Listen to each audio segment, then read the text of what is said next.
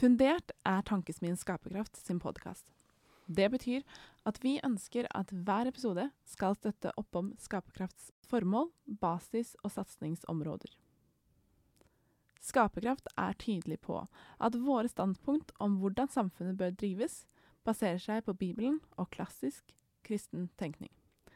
Vi ønsker at det beste i vår kristne kulturarv, spesielt det kristne menneskesynet, skal prege Norge. Med utgangspunkt i dette har Skaperkraft i år startet Senter for troarbeid. Dette er Skaperkrafts første prosjekt, rettet mot kristne som konkret målgruppe. Og det er dette senteret som er utgangspunkt for denne og de fire neste episodene av Fundert. Du har kanskje lagt merke til at Funderts cover har skiftet farge. Det jeg har gjort for å markere hvilke episoder som potensielt vil være mer aktuelle for deg som allerede er kristen. Skaperkraft senter for tro og arbeid ble startet opp med et ønske om å utruste kristne til å leve ut troen sin hele uken, ikke bare i kirken. Unødvendig? Anslag viser at om lag 70% av barna som vokser opp i aktivt kristne familier, velger bort kirke og menighetsliv i voksen alder. Forskning tyder på at manglende kobling mellom tro, arbeidsliv og samfunnsengasjement er blant årsakene til dette.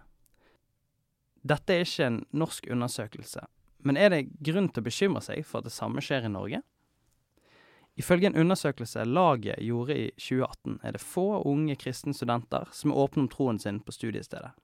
Hele 90% av de spurte rapporterer at de ikke snakker om tro med medstudenter. Hva er det som er årsaken til at de velger å holde troen utenfor daglige relasjoner? Er ikke Norge et livssynsåpent samfunn hvor det er naturlig å snakke om tro? Eller hva betyr det egentlig at et land er livssynsåpent? Og hva gjør det med deg at folk ikke kjenner til at du tror? Høsten 2017 lurte forfatteren, dramatikeren og TV-produsenten Arne Berggren på hvor de kristne var for tiden. Berggren konkluderte med at 10-15 kristne medietryner må ales opp snarest. Karl Andreas Jahr besvarte Berggren med henvisninger til mailer han fikk som redaktør i Korsets Seier. Mailenes avsendere mente deres tilknytning til Korsets Seier, pinsebevegelsens ukemagasin, var med på å gjøre det vanskeligere for dem å få seg jobb. Litt senere den høsten skrev en anonym skribent på 15 år om hvordan hun opplevde at Norge rett og slett ikke hadde full religionsfrihet. Og teologistudenten Øyvind Berg besvarte hennes artikkel med at det var likhetstrekk mellom både tabloidavisene og humoristene, og jentens beskrivelser av skolegården, men at religionsfriheten igjen handler om gjensidig respekt, og at det ikke var noe vi fant i verken kommentarfeltet eller KRLE-klasserommet. Hvilken betydning har det for oss at vi ser tydelige kristne rundt oss? Og hva kan vi gjøre for å skape et større rom for å være tydelige om troen vår? Mitt navn er Guro Handeland, og mitt navn er Vegard Husabø.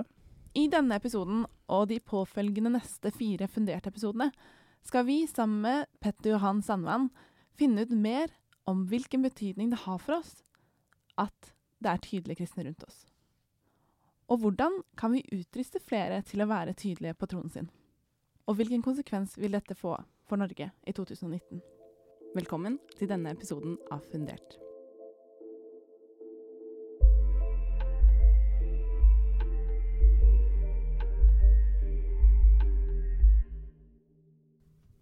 Vi har invitert Stian Kilde Aarbrot og Hermen Haaland fordi vi lurer på hvordan det egentlig ser ut å bli utrustet til å tro hele livet, og hvorfor vi trenger at kristne blir samfunnsbyggere.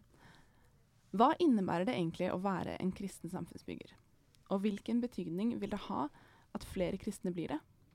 Og hvordan blir man det? En samfunnsbygger. Stian, du er prest i den kristne organisasjonen Areopagos. Mm. Og er daglig leder av nettverket Etter Kristus. Mens du, Hermund, du er gründer av både Tanken min skaperkraft og Senter for tro og arbeid. Velkommen skal dere være. Tusen takk. Takk, takk. Stian, jeg har lest den siste boken din, 'Kunsten å forme livet plastisk teologi'. Og etter å ha gjort litt grundigere research om deg, lurer jeg på Hva var egentlig baktanken med å etablere Etter Kristus? Den skumle baktanken Kanskje var det å eh, bevare meg som kristen. I bunn og grunn så handler det jo egentlig om det. Eh, jeg er oppvokst i en kristen sammenheng. Jeg har hatt et lite friår der jeg ikke kalte meg kristen, som 19-åring eller noe sånt.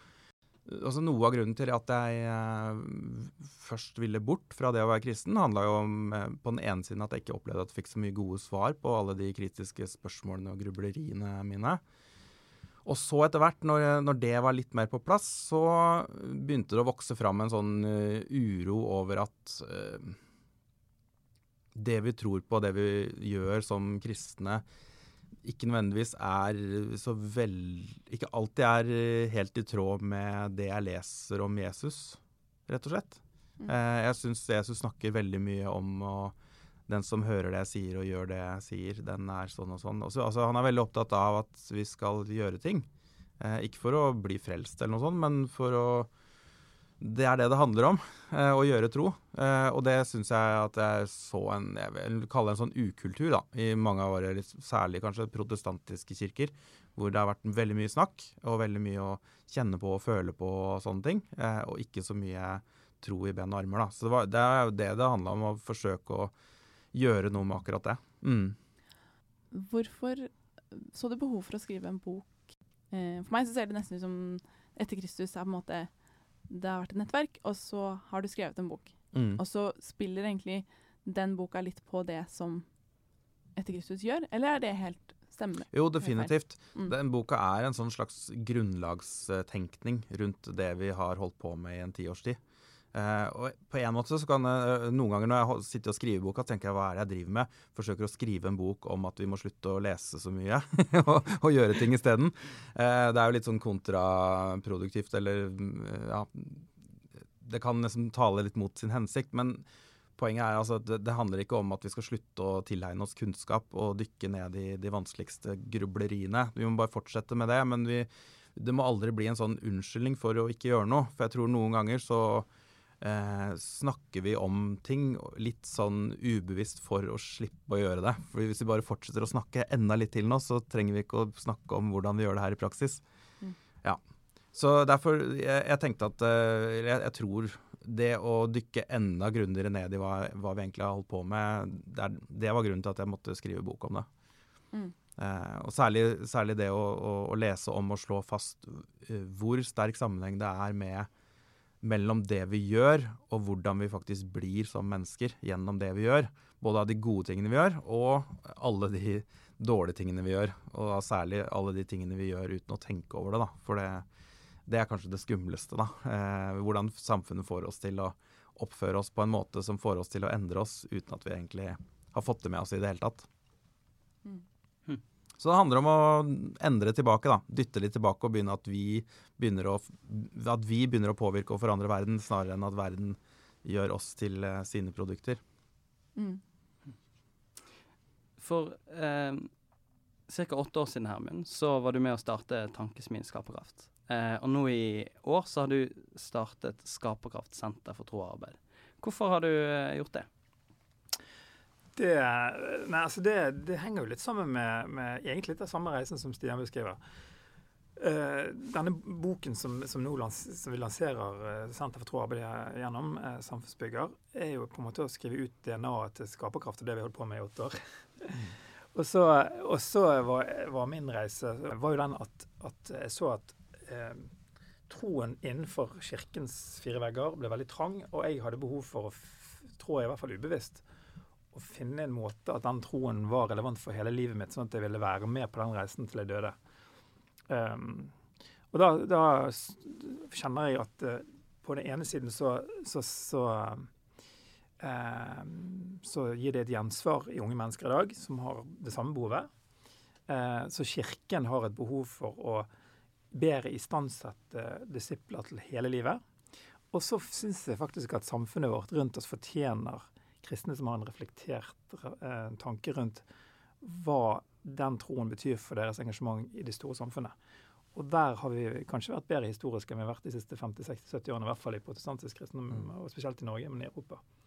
Um, så, så, behovet for Senter for tro og arbeid er egentlig for å sette, gi en retning til å koble og bruke arbeid, da, som er, vi bruker 37,5 til 50 timer i uken på, som en inngang for å snakke om tro som, som sprenger grensen til kirkens fire vegger og aktivitetene som foregår i kirken. Som jeg eh, Jeg har, bør kanskje ikke si det for høyt, men jeg ble litt lei det, da. Mm. eh, og trenger å, å, å For å kjenne motivasjonen for å til i kirkefellesskapet, så må det få større betydning for mandagen. Mm. Men hvordan ser du for deg det, Hermund? Eh, at troen har større betydning for arbeid? Nei, altså det, det, eh, det som jeg syns er interessant både med boken til Stian og, og, og, koblingen til den eh, mellom det, det jeg skriver, og, og, egentlig sånn som han beskriver også jødisk kultur, der, eh, der eh, livsrytmen og troen var innvevd i hele livet, mens vi på en måte har, har eh, satt i en boks som heter kirke. Eh, og, og, det å sprenge den grensen for å, eller de rammene for å, å vise at originalt så tenkte nok Gud mye mer helhetlig enn at kirken skulle være et isolert eh, eh mønsterbruk for, for gudslivet, da. Mm. Um, så, så jeg, jeg, opplever at vi er på en um, jeg, I norsk kontekst føler jeg at det bare aksentuerer en reise vi har så vidt begynt på som bevegelse, som mange kristne er på. Den reisen å oppdage hva dette betyr. Og så ser jeg på liksom internasjonal, spesielt litteratur fra USA og England, eh, så har de kanskje på en måte begynt å finne frem igjen teologien, men det er litt, eller svært få eksempler på hvordan det ser ut i praksis. Hvordan er dette integrerte livet, og hvilke eh, påvirkning får det faktisk på, på, hverdagen vår. Der er det anekdoter eh, som er spennende nok, men det er veldig få gjennomarbeidede erfaringsbilder å danne i moderne tider, sånn som jeg opplever det. Mm. Hvorfor tror dere det er sånn, da? Um, hvor kommer den oppfatningen fra? At uh, det er vanskelig å være kristen i arbeid, og i, altså når man går ut av kirka? på en måte. Jeg tror det, det er veldig mange årsaker da, på en gang. Uh, men jeg tror en sånn grunnleggende ting som Hermund begynner å hinte til nå, er jo den at vi har hatt en litt sånn uh, overutvikla dualisme i troen vår, der vi skiller dette med det som er åndelig og det som er verdslig. Eh, og dermed så blir jo lett Hvis du er veldig i det paradigmet der, så blir på en måte jobben din uh, en sånn, nesten en sånn obstruksjon. Noe som du bare må bli ferdig med før du kan gå, komme tilbake til kirka igjen, der det egentlige arbeidet skjer. Der liksom uh, Ja, hvor, hvor, hvor, de åndelige verdiene kan få, få, lov til å få full utfoldelse, da. Mens resten av dagen, så, eller resten av uka, så ja, så, så, så, er det egentlig min, noe mindreverdig du holder på med. Eh, og det er klart at hvis du da elsker jobben din og er kjempeopptatt av om det er studiene dine eller det er liksom forskningen du driver med, eller hva nå enn du holder på med eh, på, som jobb, men, men, du i bunn og grunn kjenner litt på at dette ikke er At dette er litt sånn second class i kristen sammenheng, så er det veldig lett å tenke å begynne å oppleve at ja, men ok, men da er kanskje ikke kristendom og kirke og tro så viktig for meg, da. Ja. Så, det, så det, det, det, er klart at det handler veldig mye også om, om hele liksom, tidsånden vi lever i, og, og uh, altså, mennesker som ikke tror, som, uh, som, påvirker oss og alt det der og sånn. Men jeg tror kanskje at jeg, jeg, velger, jeg liker litt å skylde på oss sjøl. Jeg syns det er det gøyeste, istedenfor å være sur på alle andre. Jeg, jeg tenker litt sånn push- og pull-faktorer, som vi snakket om i samfunnsfagene på universitetet. Og push-faktorene det, det, det, er de vi er skyld i sjøl. Og så sekulariseringen og fragmenteringen i samfunnet vi ser rundt oss, blir jo en pull-faktor. For hvis ikke da Kirken hjelper oss til å tenke helhetlig, så blir vi lett et offer for den fragmenteringen, at, ting, at ting skilles opp, mm. deles opp i livene våre. Eh, og så blir vi tvunget eh, ubevisst til å velge da, enten kirke eller eller eh, sekulære, eh, sekulære arenaer. For vi, vi, evner ikke å vise dette, hvordan det henger sammen. Og så skal ting rett skal være rett. Jeg opplever jo at, eh, at en del menigheter og kirker nå begynner å oppdage at dette er noe til tak i, og begynner å snakke mer utrustet til hverdagskristendom. Men, men, men, utfordringen her, er, som jeg liksom går kanskje rettet mot kirkeledere, er at man har så vidt begynt å åpne den døren. Fortsatt er det sånn at jeg tror hvis du setter en pastor til veggs, så er nok det som skjer på søndagen, viktigst. Mm. Eh, så skjønner man at man skal utruste til hverdagskristendom, men i praksis så er det mer åndelig det man holder på med i kirken fortsatt. Så drømmen min vil være at man om ti år kan ha en uh, samtale med flere prester og pastorer som hele, ser denne helheten som, uh, som, jeg tror er viktig. Noen, en, no, det er en som har skrevet en bok som heter John Seal jr., uh, 'The New Copernicans' i USA, der han beskriver millennial-generasjonen fra midten av 80-tallet utover, som nå begynner å tippe over å være i overvekt i den amerikanske befolkningen.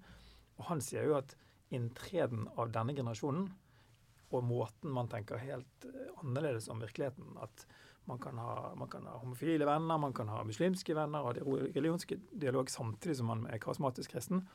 Dette går helt uproblematisk. Den generasjonens inntreden vil faktisk være en enorm trussel for institusjonaliserte evangeliske kirker eh, hvis ikke vi klarer å integrere denne generasjonen på en god måte. Og Da begynner det å bli litt sånn alvorlig for Kirken. da. Hvis ikke man klarer å forholde seg til, eh, til um, den sekulariseringen og den virkeligheten vi har rundt oss, så, så Og da, da, tror jeg nøkkelen blir å fremvise denne integrerte troen eh, kan være det som redder oss. Mm. Vi skal sette på spissen. Mm. Ja, for du, du, Stian, du skriver i boka di at kristne må slutte å klage på og frykte avkristningen av samfunnet, og i stedet fokusere på å skaffe seg klær som passer omstendighetene. Ja. Hva betyr det? Ja, altså du har jo det det gode, flotte norske ordtaket at det fins ikke dårlig vær, bare dårlige klær. Uh, har du gode klær på deg, så kan du være ute i hva slags vær, ikke sant.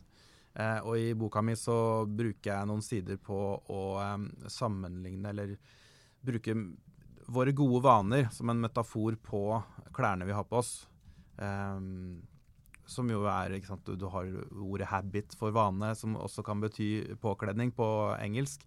Uh, og du har også i Bibelen, og særlig Paulus, som snakker jo veldig mye om å kle seg i ulike uh, Og da snakker man ofte veldig mye om, om praksiser, da. Uh, sånn at jeg, jeg tenker at det fins ikke dårlig verdslig vær, det fins bare dårlige kristne klær. Det tror jeg er hvert fall én viktig grunn til at mange eh, oppvoksende kristne på et eller annet tidspunkt slutter å kalle seg kristne eller være aktive kristne, er at de har ikke blitt utrusta med de klærne som de trenger for å uh, være ute i det været. Mm. Det er fristende å komme med, for I boken min så, så fikk, fant jeg historieinspirasjon av en professor på Regent University i Vancouver som heter Stephen Garber. Han skrev for en ti år siden en bok som heter The Fabric of Faithfulness. Weaving Together Belief and Behavior. Og han har sett det over 30 år på eh, mennesker som har klart å internalisere idealene sine og troen sin fra 20-årene mm. gjennom praksiser.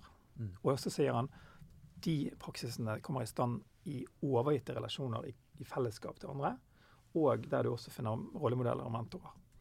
Og så sier han at enderesultatet av et sånt liv da på 40-50-åringene, det er at de vet hva meningen med livet sitt er. De vet hva meningen med jobben deres er og kan liksom frems, fremsi en eller annen visjon på at nei, jeg ønsker å være med og gjøre jorden litt bedre fordi at jeg har disse verdiene. Sånn at det opplever det som er så fascinerende med din bok, som på en måte mer tar fokuset på, på hvilke vaner vi må legge inn. Mm. Det er grunnlaget for at det skal kunne bli en kristen samfunnsbygger som bidrar til å skape en litt bedre jord. Mm. Og, og, dette er fascinerende. Så her er det jo kjempemuligheter mm.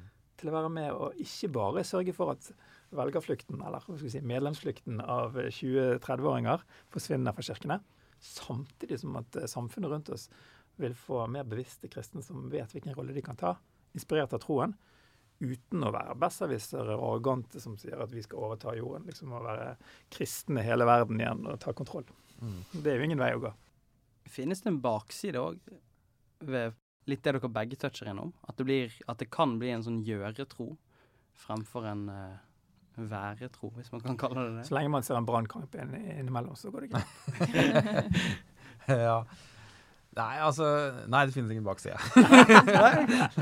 uh, jo, altså jeg tenker at det, all, i forhold til det aller meste av ideer Så hvis, hvis man på en måte blir hva skal jeg si, feilleser det eller feiltolker det og overfokuserer på bare én enkelt side av en ting, så, så kan du falle ned i noen grøfter. Eh, og for, for, min del så måtte, Når jeg skulle skrive denne boka her, så måtte jeg ha med et kapittel som handla om tro og altså gjerninger versus nåde, f.eks. For, eksempel. for du kan ikke skrive en bok om uh, hvor det, at det er viktig å gjøre ting som kristen inn i en protestantisk verden uten å kommentere det, som veldig mange vil begynne å lure på. Men, men var det ikke sånn at vi var frelst av nåde og alt det der? Så, men for meg, altså svaret mitt er at det er, det er, liksom, det er to veier da, som går hele veien parallelt. Um, to sånne grunnleggende spørsmål. Gud spør Adam etter at han har spist av eplet, og Eva hvor er du? og da handler det om relasjon til Gud. Og så ganske kort tid etter så spør han Kain hvor er din bror. Eh, og den der elske Gud og elske sin nabo, ikke sant? det går gjennom som en rød tråd hele veien. Og poenget er at de, det er to veldig ulike spørsmål. Eh, og i forhold til hvor er altså mitt forhold til Gud, så kan jeg ikke gjøre noe til eller fra eh, annet enn å ta imot det Gud vil gi meg. Men i forhold til meg, og altså meg selv, forhold til meg selv og forhold til mennesker rundt meg, så er det veldig mange ting jeg kan gjøre. Og hvis jeg tror at alt da bare skal eh, liksom dale ned fra himmelen for at eh, og verden blir et bedre sted uten at jeg løfter en finger, da har jeg misforstått hele den nådesforkynnelsen, mener jeg da. For da, jeg forstår det da som at disse klærne som vi må ta på oss, det er disse vanene. Mm. Um, og Hermen, du er enig i det? Absolutt. Um, men hva med de som sliter med å skape nye vaner? For dem er det kjørt. Ja. Nei, altså det, eh, det Folk trenger gode veiledere. Og jeg tror ikke det finnes noen mennesker som ikke kan få til noen gode vaner.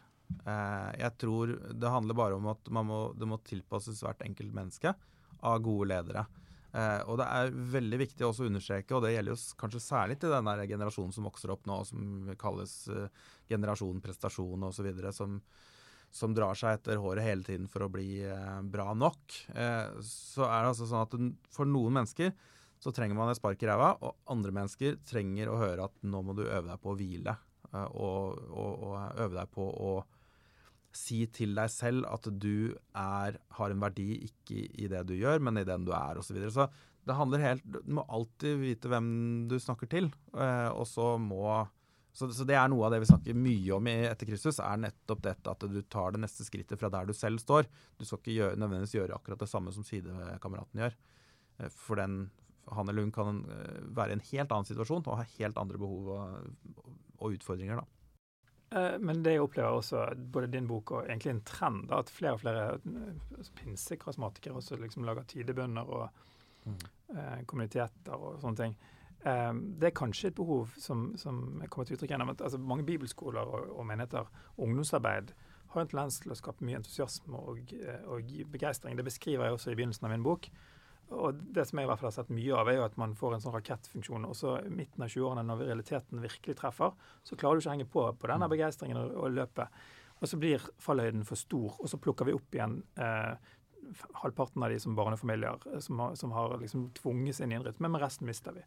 Jeg, jeg tror at eh, en nøkkel her det er jo at vi kanskje klarer å lage en bedre overgang mellom en, en naturlig begeistring, som jeg tror er, sunt for en Mm. tenåring å få oppleve. da, få noen personlige møter med Gud og en begeistring, men som er mer bærekraftig. Og der tror jeg at spesielt protestantiske kristne kan, kan eh, ta flere skritt i retning av Stians bok eh, i å lage denne bærekraftige rytmen som en del inn i voksen, unge voksenalderen, som kanskje kan være redningen for både troen og livet eh, i, generasjon og prestasjon.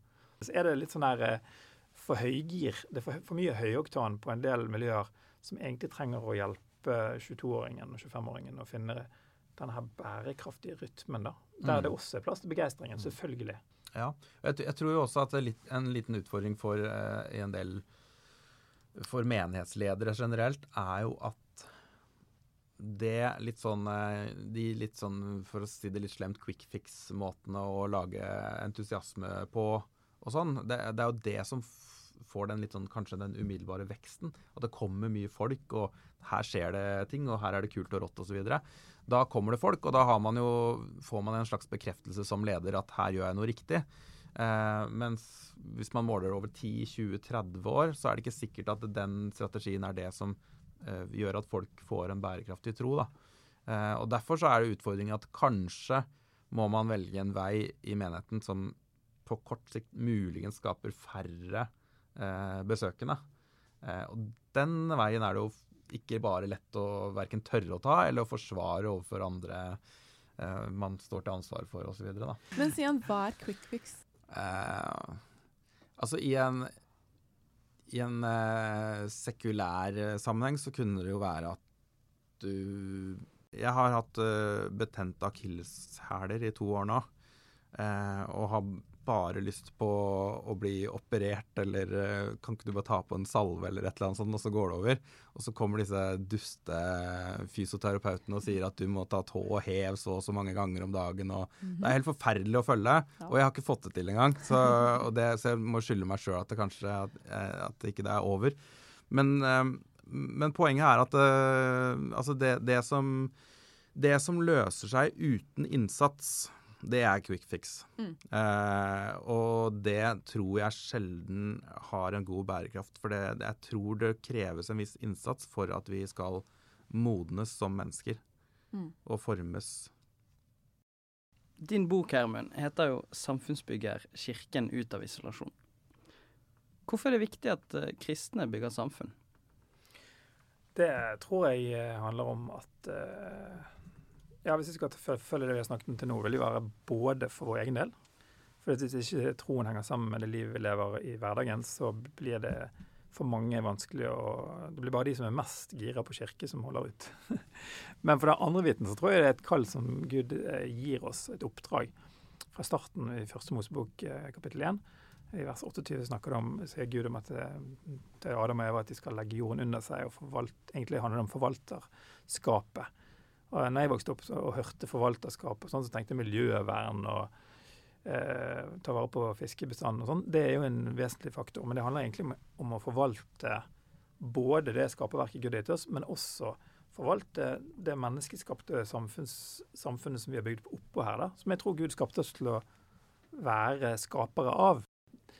Der tror jeg f.eks. at vi må både tenke mindre forbruk, men kanskje også digitale teknologiske løsninger. Så det er ikke sånn enten-eller. Og dette gjelder på alle aspekter av det menneskelige liv. Så må vi ta medansvar for å skape fremtiden vi ønsker å være, være en del av sjøl, og at våre barn skal vokse opp i. Eh, og det der, klarer vi å koble det på troen, så tror jeg altså at det gir mer mening til troen. Hvilke konkrete tiltak har dere for å skape slitesterk tro, som igjen vil kunne føre til flere kristne samfunnsbyggere? Hmm. Det er et stort spørsmål, da. Mm -hmm. Um, en viktig eller ganske essensiell del av det å ha en slitesterk tro, er at du skal ikke tro aleine. Du, du, trenger et fellesskap. Og Det kan være flere fellesskap òg. Det kan være små fellesskap, det kan være familien din. Uh, det kan være kirka di, eller det kan være en husgruppe osv. Det har aldri vært meninga at vi skal drive og praktisere tro aleine. Og så handler det om å leite etter de gode vanene. Da. Og, og, de trenger ikke å være like for alle. Vi er litt ulikt skrudd sammen og trenger sannsynligvis litt ulike oppskrifter på hva som er gode, de gode vanene for oss. Men da tror jeg det er lurt å prøve ut mye og kjenne på hva som funker og hva som ikke funker. Til syvende og sist så tror jeg i hvert fall at det, det å finne en eller annen form for eh, bønnevane tror jeg er eh, ganske essensielt. Eh, men det er utrolig viktig å si også at det er veldig mange måter å be på den mer hva skal jeg si, klassiske evangelikale eller karismatiske sånn frie bønnen, men du har tidebønner, du har det å kunne bare sitte i stillhet med Gud. For noen kan være å male. Altså det å ha, finne fram til det å ha en bevisst måte å, være sammen med Gud på, tror jeg er ganske essensielt. Og jeg tror også det er selvfølgelig det med å finne en eller annen god uh, bibellesevane er også en ganske essensiell del. Og gudstjenestevane. Jeg tror det er sånne, helt sånne grunnleggende vaner, da. Jeg må bare innrømme at jeg har ikke vært så veldig flink å ha den der daglige bibellesningen. Men jeg, eh, heldigvis så finner jeg fellesskap som er veldig opptatt av å teste ut det Bibelen sier, eksempel, og dermed så ender jeg opp med å stadig dykke ned i Bibelen. da. Men eh, nå i den der hastete trebarnspappalivet, så finne det der, de 5-10-15 minuttene hver dag til å liksom sitte aleine og lese Bibelen, det har ikke funka for meg akkurat nå. Men det sier også noe om hvor at livet går gjennom veldig ulike faser, og vi, vi, må, vi, må, på en måte finne den veien som passer til den situasjonen man er i akkurat nå. Mm. At troen din kan være slitesterk selv om du ikke har tid til å lese i Bibelen 15 minutter? Ja, absolutt. Og jeg mm. tenker at eh, Og der kommer liksom fellesskapet inn. da. For Hvis mm. du har et fellesskap der på en måte sørger for å omgi deg litt med i et miljø der eh, Bibelen er eh, en naturlig del, så vil på en måte Bibelen Det vil dryppe på deg uansett, da. Mm. Uten at det skal være en sånn unnskyldning for å aldri gidde å ta opp Bibelen. Nei, jeg, jeg, bare for å utvide den listen der, så tenker jeg at eh, min erfaring er at det der er jo litt personlighetsbetinget. Og det, det, er jo faktisk kanskje de færreste av oss er så selvgående at vi klarer jerndisiplinen disiplinen å være sånn puritansk protestant som skal ha stillestund helt alene mm. i en time, helst klokken fem om morgenen hver dag.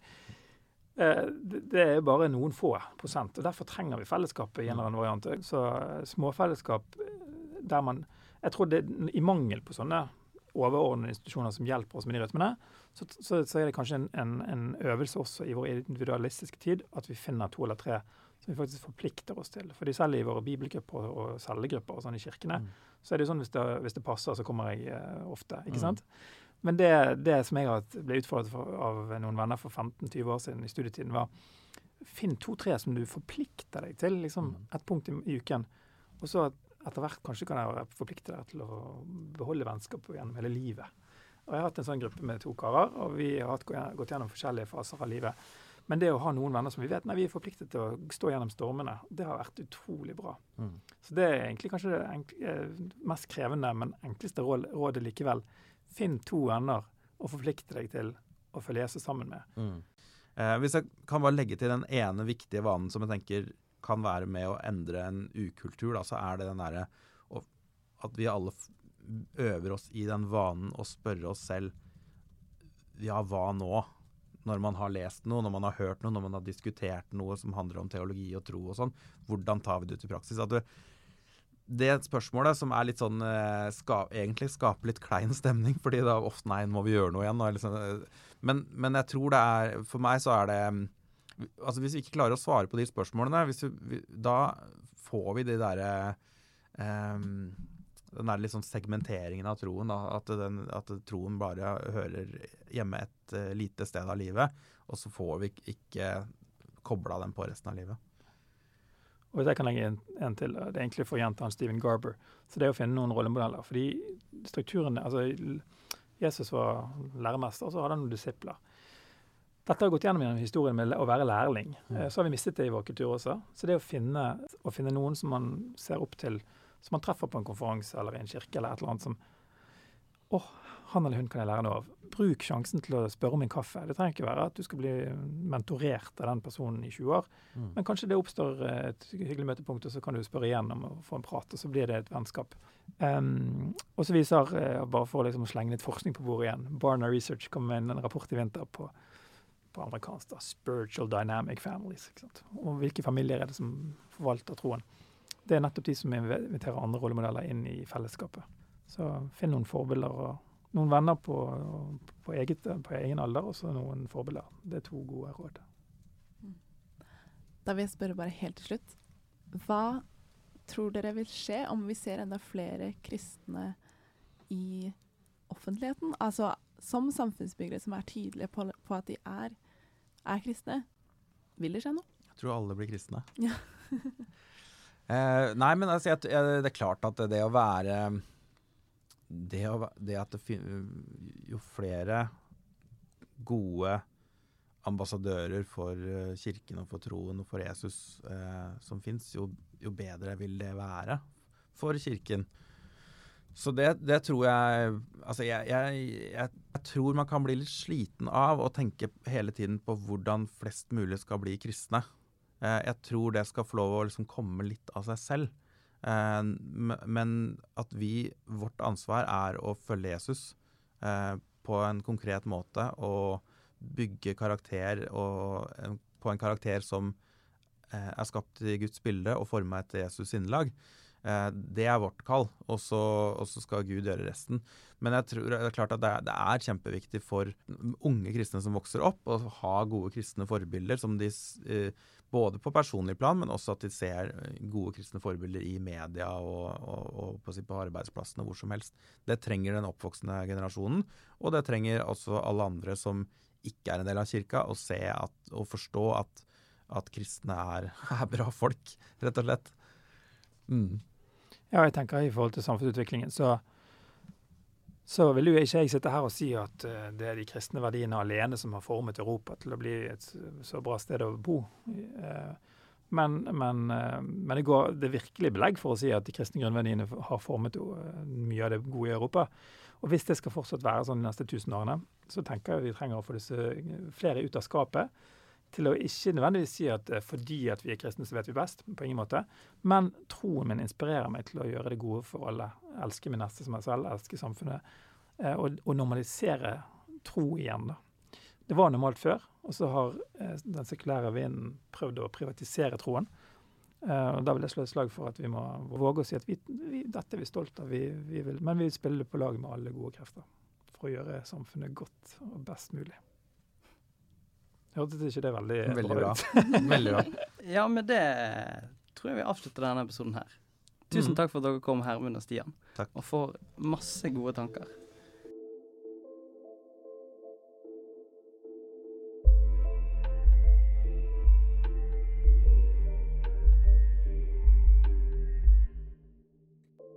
Du har nå hørt første episode av Fundert-serien STOA. Det er en forkortelse for Senter for tro og arbeid. Et senter som ble opprettet av Linn og Hermen Haaland denne våren. I denne serien vil vi snakke med ulike folk som ønsker å leve helhetlige, Jesus-etterfølgende liv. Vi vil utforske hvorfor det er viktig, hva man gjør på jobb, hvilken rolle menigheten har for å utruste folk til å være samfunnsbyggere, og hvordan trospraktisering i hjemmet kan være avgjørende for slitesterk tro. Til sist vil vi diskutere hvilken plass kristne har i fremtiden.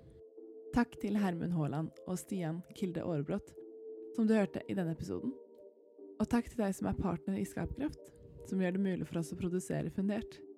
Bøkene vi refererte til, var Stian Kilde Aarebrots 'Kunsten å forme livet', Plastisk teologi, Hermund Haalands 'Samfunnsbygger', Kirken ut av isolasjon, og David John Seal Jr.'s 'The New Copernicans'. Vi er fascinert av samtalene vi har hatt med bl.a. Kjell Magne Bondevik, Knut Veitereid og Andreas Hegertun, og vi anbefaler deg virkelig å følge denne serien videre. Følg gjerne Skaperkraft på sosiale medier, og abonner på Fundert her hvor du lytter akkurat nå, for siste oppdatering. Mitt navn er Guro Handeland, og denne episoden ble produsert av Vegard Husabø og meg. Funder mer med oss.